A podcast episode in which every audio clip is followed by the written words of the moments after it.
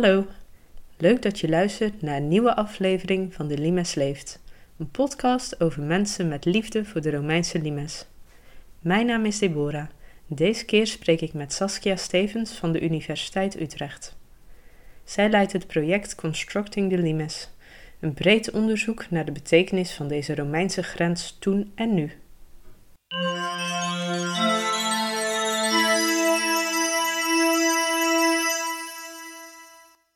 Ik ben Saskia Stevens, uh, ik ben docent aan de Universiteit Utrecht.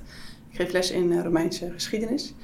En ik ben hier terechtgekomen eigenlijk na een lange reis. Ik ben ooit begonnen als student klassieke talen aan de Universiteit van Nijmegen. Maar na een paar weken college merkte ik al dat mijn hart echt lag bij de, de archeologie. Ik begon met de Griekse archeologie. Maar toen mocht ik in mijn eerste jaar mee op eh, campagne naar Pompeii. En toen nou, was mijn hart verkocht aan de Romeinen. En sindsdien ben ik mij gaan specialiseren in Romeinse archeologie. Vooral in Romeinse wooncultuur, Romeinse stedenbouw, topografie. Na mijn afstuderen in Nijmegen ben ik naar eh, Oxford gegaan voor een master in Classical Archaeology, heette dat daar. En ook daar ben ik verder verdiept in de Romeinse mediterrane archeologie. En vervolgens ben ik ook in Oxford gebleven uh, om daar mijn promotieonderzoek uit te voeren. En het ging over Romeinse stadsgrenzen en de invloed van stedelijke ontwikkeling op die grenzen. Dus wat er gebeurt als een stad zich wil uitbreiden en die grenzen er zijn eigenlijk om die stad binnen te houden, als het ware. Dus dat conflict vond ik heel erg interessant. En daar is eigenlijk mijn interesse in grenzen ook geboren. Wat gebeurt er als je een, een, grens trekt? Wat voor invloed heeft dat op menselijk gedrag? Ehm, was de impact ervan? Ben ik in aanraking gekomen ook met theorie van sociale geografie. het idee van de, de borderlands, de borderscape. Hoe zit dat precies? Hoe werkt dat? En toen ik in Utrecht ging werken in 2010 wilde ik graag dat onderzoek over grenzen gaan uitbouwen. Nou ja, in Utrecht, uh, mijn kantoor ligt hier vlakbij het Domplein. Maar natuurlijk ook uh, bij Dom Under resten te zien zijn van de Romeinse aanwezigheid. En natuurlijk vlak bij de Limes. Toen is eigenlijk mijn interesse in grenzen is eigenlijk verder ontwikkeld in de grenzen van het Romeinse Rijk. En uh, nou, zo ben ik eigenlijk bij de Nedergermaanse Limes in, in Nederland terechtgekomen. Ja. ja. Ja, en in Engeland heb je natuurlijk uh, de muur van Hadrianus. Dat is ook een zichtbare grens. Heb je die ook bezocht toen? Ja, nou niet toen, uh, maar ik ben een paar jaar geleden met een collega zijn we naar uh, gegaan. En toen hebben we daar twee stukken gelopen. We zaten toen bij Barden Mill, in het midden van de muur, het mooiste stuk. We zijn toen één keer naar het oosten en één keer naar het westen gelopen. Hebben ook Vindelanda bezocht. En ja, ik vond het echt fantastisch. We hadden geluk met het weer, want ze zeiden al van neem een regenjas mee en het kan sneeuwen en de zon kan schijnen. Maar we hebben toen twee dagen eigenlijk in de zon gelopen in het voorjaar. Ik vond het wel heel erg indrukwekkend. Vooral omdat het, het is ontzettend grillig, het landschap. En het gaat omhoog en omlaag. Hoogteverschil is enorm. En die muur die loopt gewoon door. Hè? Dus het is, uh, die volgt gewoon dat, uh, dat natuurlijke landschap. En uh, ja, dat is echt waanzinnig om daar, om daar een tijdje te zitten. Ja. ja. Dus ik denk voor mensen ook, dat is heel duidelijk, dat is UNESCO Werelderfgoed. Net als nu natuurlijk de Neder-Germaanse Limes. Uh, alleen dat ligt allemaal onder de grond, is onzichtbaar. Het project waar je nu mee bezig bent, Constructing the Limes, Zit daar ook een onderdeel in om daar een bijdrage aan te leveren? Ja, het project Constructing the Limes, dat is ik denk al drie jaar geleden of zo zijn we begonnen met het, het, bouwen van het consortium, met het team van mensen waar we mee, samenwerken. En het doel van het project is eigenlijk om te achterhalen hoe die limes nou precies werkte in de oudheid, wat de impact daarvan was. Maar ook hè, hoe die limes heeft doorgewerkt eigenlijk onze beeldvorming van grenzen eh, tot, tot vandaag de dag. Dus eigenlijk een project wat niet alleen maar over de oudheid gaat, maar ook kijkt um, hoe de Limes werelderfgoed is geworden. Wat betekent dat eigenlijk als iets werelderfgoed is? En hoe we onder invloed van die, uh, die in Nederland, hoe we vandaag naar, ja, naar grenzen kijken. Dus dat is eigenlijk het, uh, het idee. En om die vragen te kunnen beantwoorden hebben we een heel groot team. We zijn 16 of 17 uh, mensen in totaal van verschillende universiteiten. Een aantal onderzoekers, junior-onderzoekers, AIOS zitten erbij, van verschillende achtergronden. Dus we hebben historici, maar ook sociaal geografen, hebben archeologen uiteraard, mensen die zich bezighouden met isotopen, met DNA-onderzoek. Om dus die vragen vanuit een verschillend uh, perspectief uh, te kunnen beantwoorden. En hopelijk een zo compleet mogelijk beeld, als het dan mogelijk is, te geven van de betekenis van de limes toen en ook nu. En nou, je, noemt een aantal interessante onderwerpen, meteen deelonderwerpen. Ik weet niet of je een aantal kunt uitlichten bijvoorbeeld die isotopen, interessant onderzoek. Ja, ja, ja zeker. Uh, met isotopen, de strontiumisotopen. Uh, dus als mensen voedsel eten, dan nemen ze ook die strontium tot zich. En, en aan de hand van het glazuur in de kies kunnen de, de onderzoekers dus onderzoek, onderzoeken, bestuderen of iemand lokaal is uh, waar hij is overleden of niet. Dus je kunt niet zeggen hij komt uit Friesland of hij komt uit Spanje bij zo'n spreken.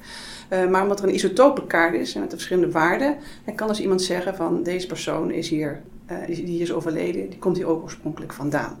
Dus dat is een beetje wat je met isotopenonderzoek kan doen. Dus de idee van migratie had die limes invloed op de beweging van mensen dus als we het wat aan de hand van isotopenonderzoek, maar ook aan de hand van DNA-onderzoek willen gaan uh, bekijken. Um, we willen ook gaan onderzoeken wat de impact van de limes was op de beweging van goederen, dus handelsstromen. Uh, en dat gaan we doen aan de hand van de database van PAN, het Portable Antiquities Netherlands. En er zijn heel veel depots uh, die nog niet zijn uitgewerkt bij de gemeentes, bij de provincies. We willen nu samen met, met vrijwilligers en willen we die depots, die, die, die, die fondsen eigenlijk gaan invoeren in PAN. Ik wil er ook met een groep studenten gaan doen. En die database wordt dan weer als uitgangspunt genomen door onze twee AIO's. Die dus ook gaan onderzoeken wat de impact van de limes was. Aan de ene kant eh, op ontstaan van nederzettingen, de, de, de invulling eigenlijk van het, eh, van het landschap. En de andere kant dus naar de verspreiding van die goederen eh, door, door Nederland. Dus zowel ten noorden als ten zuiden van de limes. Um, om nog een voorbeeld te noemen, uh, een van onze AIO's is bezig met het van die schoolprenten. je kent ze vast wel uit de 19e, 20e eeuw. En hoe daar die Romeinen eigenlijk zijn uh, afgebeeld. dus hoe dacht men toen uh, over die Romeinen en hoe werden die in het schoolprogramma, het lesprogramma eigenlijk opgenomen. En hoe werd het aan de kinderen op dat moment geleerd. dus dat is ook iets wat we, wat we gaan doen. Ja, nou, als je het nu toch uh, over kinderen hebt, is het misschien een leuk sprongetje naar het bordspel uh, wat je hebt ontwikkeld, Grensland. Ja, het is een, een, best een lastig uh, onderwerp, grenzen, omdat het niet heel erg tastbaar is. Vorig jaar werd ik benaderd door collega's aan de Universiteit Utrecht die een wetenschapsevent gingen organiseren voor een breed publiek, Operatie Breinbreker. En ze wilden heel graag ook mensen van geesteswetenschappen erbij betrekken, omdat het heel vaak toch de, de sciences zijn met allemaal proefjes, spannende, bubbelende reageerbuisjes en zo. Zeggen we een keer een, een, een ander soort wetenschapper ook de kans geven iets te presenteren. En toen heb ik samen met een grafisch ontwerpster, Hanneke Breken, uh, hebben we dit bordspel ontwikkeld. En het idee van het, uh, het bordspel is dat de spelers aan de ene kant hebben ze een Germaanse rol, aan de andere kant kunnen ze een Romeinse rol hebben. Uh, dat ze ervaren hoe grenzen werken. En het idee is dat de spelers over het spelbord bewegen. Het spelbord is een kaart van, van Romeins Nederland, waarop allerlei wegen zijn, uh, zijn aangegeven. En dat ze dus eigenlijk over die limes heen bewegen om hun grondstoffen te verzamelen. Die ze vervolgens naar Forum Hadriani moeten brengen voordat de keizer daar aankomt. Even misschien als achtergrond om het nog iets meer te verhelderen. Het spel speelt zich eigenlijk af in het jaar 121. Uh, en dan weten we uit de bronnen dat uh, keizer Hadrianus uh, in deze contraille is. Hij inspecteert ook de limes. En keizer Hadrianus die start eigenlijk in, in Bonn en die reist langs de limes, reist hij naar Forum Hadriani. En het doel van het spel is dat de, de spelers hè, werken samen om de grondstoffen die ze moeten verzamelen, om die op tijd in Forum Hadriani te krijgen voordat keizer Hadrianus zelf aankomt. Um, dus de spelers ervaren hoe die grens werkt. En dat de grens juist een ontmoetingsplek is waar ze goederen kunnen ruilen Daarnaast leren de spelers ook uh, over Romeins Nederland, over de topografie. Er staan allerlei vondsten op de kaart. Um, en door de actiekaarten leren ze ook bijvoorbeeld over de termen van Heerlen, uh, over het tijdelijke kamp in Ermelo, over de wachttoren bij Utrecht, uiteraard over Nijmegen. En dus Spelenderwijs vergaren ze allerlei informatie over Romeins Nederland. En vooral ook dus dat die limes, want je had het net over de muur van Hadrianus. Dat is ook vaak het beeld dat er nog bestaat in, uh, in Nederland, dat het een harde grens was. Dat ten noorden van de limes, nou dat was de plek waar de barbaren zaten. En ten zuiden van de limes, nou dat was echt het Romeinse Rijk. En dus door het spel te spelen, hopen we dat de spelers ervaren dat die grens helemaal niet zo hard was. Dat die makkelijk kon worden overgestoken en dat het dus ook een ontmoetingsplek was.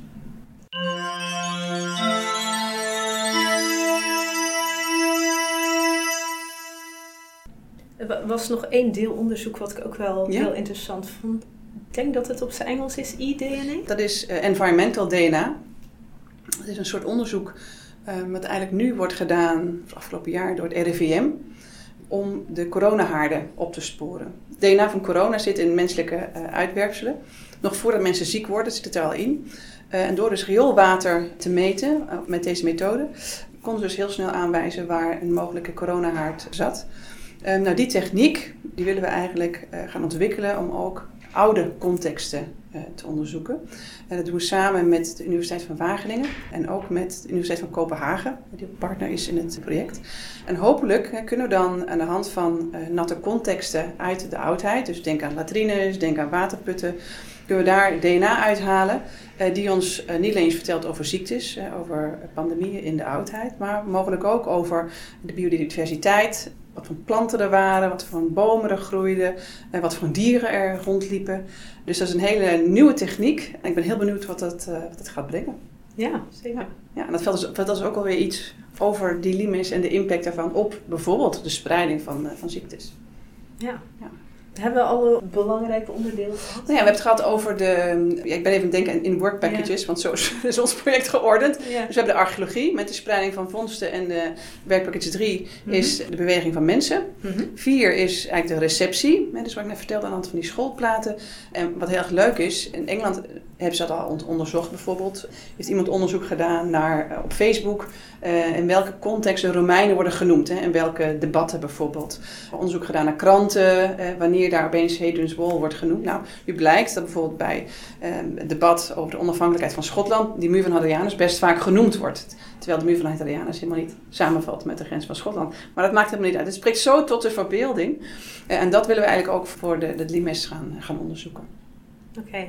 Dus er zit ook een politieke kant aan. Absoluut, ja zeker. Want, want waarom is iets erfgoed? Hè? En, en uh, bedoel, die Romeinen zijn natuurlijk in de geschiedenis meerdere malen gebruikt voor, voor politieke doelen. En de 80-jarige oorlog, hè? dat was natuurlijk het symbool. Dat was de onderdrukker, hè? de Romeinen in dit geval. Hè? Dat werd gelijkgesteld aan de Spanjaarden. En dan Willem van Oranje, die als een Julius Civilis zeg maar, uh, opstond tegen uh, die Spanjaarden. Dus dat is op zich niet nieuw, maar wel in het context van, van de limes. En het gave van deze benadering vind ik gewoon dat we het van zoveel verschillende kanten belichten, dat die limes ja, steeds meer betekenissen krijgt. Hij heeft natuurlijk niet één betekenis. En die betekenis is ook veranderd natuurlijk door de jaren heen. En ook in de Romeinse tijd was het de ene keer was, het, was die grens veel dichter en dan in die andere, en die andere keer. Simpelweg omdat het reageerde op druk van buiten, dus op gevaar van buiten.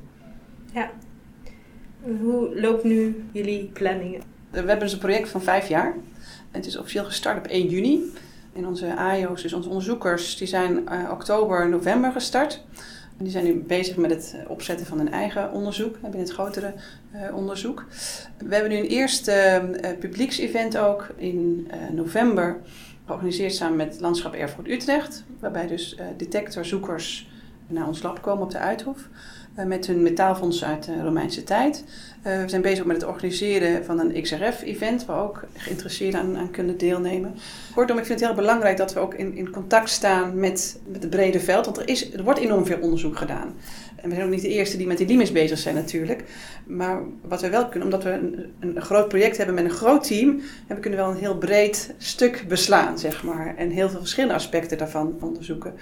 Uh, maar ik vind het heel erg leuk juist ook om uh, met vrijwilligers uh, in gesprek te gaan. Ik ben een tijdje geleden met een detectorzoeker ook op pad geweest. Simpelweg ook te begrijpen, de excitement, zeg maar, hoe leuk het is om, om iets te vinden. Maar ook precies ja, waarom hij het doet en, en wat hij allemaal vindt. En hoe dat werkt eigenlijk. dat was echt, vond ik echt heel erg leuk. Ja.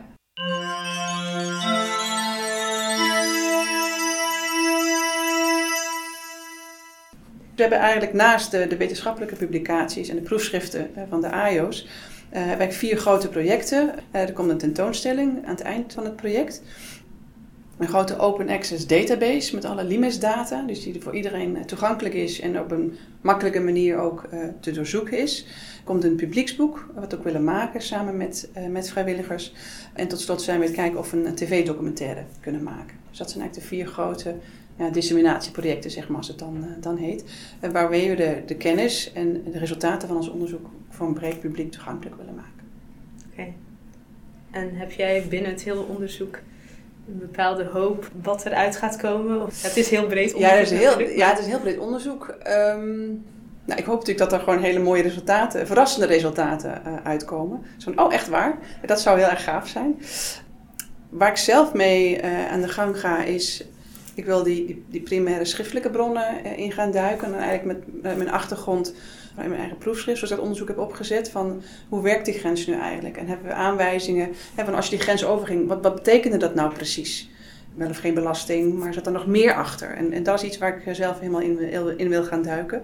Ja. En het lijkt mij ook interessant, want we hebben bijvoorbeeld wel van, net zoals van de dakpannen en, en inscripties, over de verschillende hulptroepen en zo die overal zaten. Mhm. Maar als je dan kan gaan onderzoeken waar de mensen vandaan kwamen, dan neem ik aan dat je ook juist gaat onderzoeken in bijvoorbeeld uh, de Viki. En, ja, absoluut. Ja, dat je meer dan alleen de soldaat hebt, maar dat je... Nee, zeker. We willen ook een beetje juist meer dan alleen het militaire verhaal vertellen. Uh, als je het weer hebt over stereotypen. Als je uh, iemand op straat vraagt, de Romein in Nederland is het altijd een soldaat. Dus we willen af van dat, dat stereotype. juist ook meer nadruk voor het, het civiele deel, de civiele wereld. Um, en ook ten noorden van die limes gaan kijken ja, dat is niet zoveel uiteraard als uh, we zouden hopen, maar daar gaan we ons ook zeker in, in verdiepen. Ja, ik heb ook met Stijn Heren een aflevering gedaan. En Dankzij de zoekers komt er ineens een heel nieuw beeld ten noorden van de, de grens. Dat daar toch ook wel meer Romeins was dan we dachten tot nu toe. Precies, precies. Ja, Stijn zit natuurlijk ook in het, in het project. Ja. Maar dat, dat vind ik ook zo fantastisch aan die detectorzoekers. Ik bedoel, die fondsen die zij doen, zijn natuurlijk fondsen die normaal anders gewoon verloren waren gegaan. Dus, uh, en als dan de zoekers ook nog invoeren in PAN, dan kunnen wij die data weer gebruiken hè, voor de analyse van ons onderzoek. Dus dat, ja, dat hoop ik heel erg, dat dat uh, nog meer gaat gebeuren. Ja, zeker. En, en het leuke is dat we de limes onderzoeken in, in het kader van een grensland. Vandaar ook of de borderscape, zoals dat dan in het, uh, in het Engels heet. En het idee is eigenlijk dat een grens weliswaar twee gebieden eigenlijk van elkaar scheidt. Maar tegelijkertijd ook uh, die gebieden samenbrengt. Hè? Dus uh, dat er interactie plaatsvindt, uh, dat er nieuwe identiteiten ontstaan juist bij die grens. En dat de grens misschien wel spannender is dan de kern, hè, als het ware. En dat is eigenlijk ook zoals we de limes in Nederland onderzoeken. Waarbij we um, als onderzoeksgebied heel Nederland nemen. Een stuk van West-Duitsland, België en een stukje Noord, Noord-Frankrijk. dat beschouwen wij allemaal als grensgebied van die limes. En dus ook gebieden eh, die onder invloed stonden van die aanwezigheid van die, van die grens.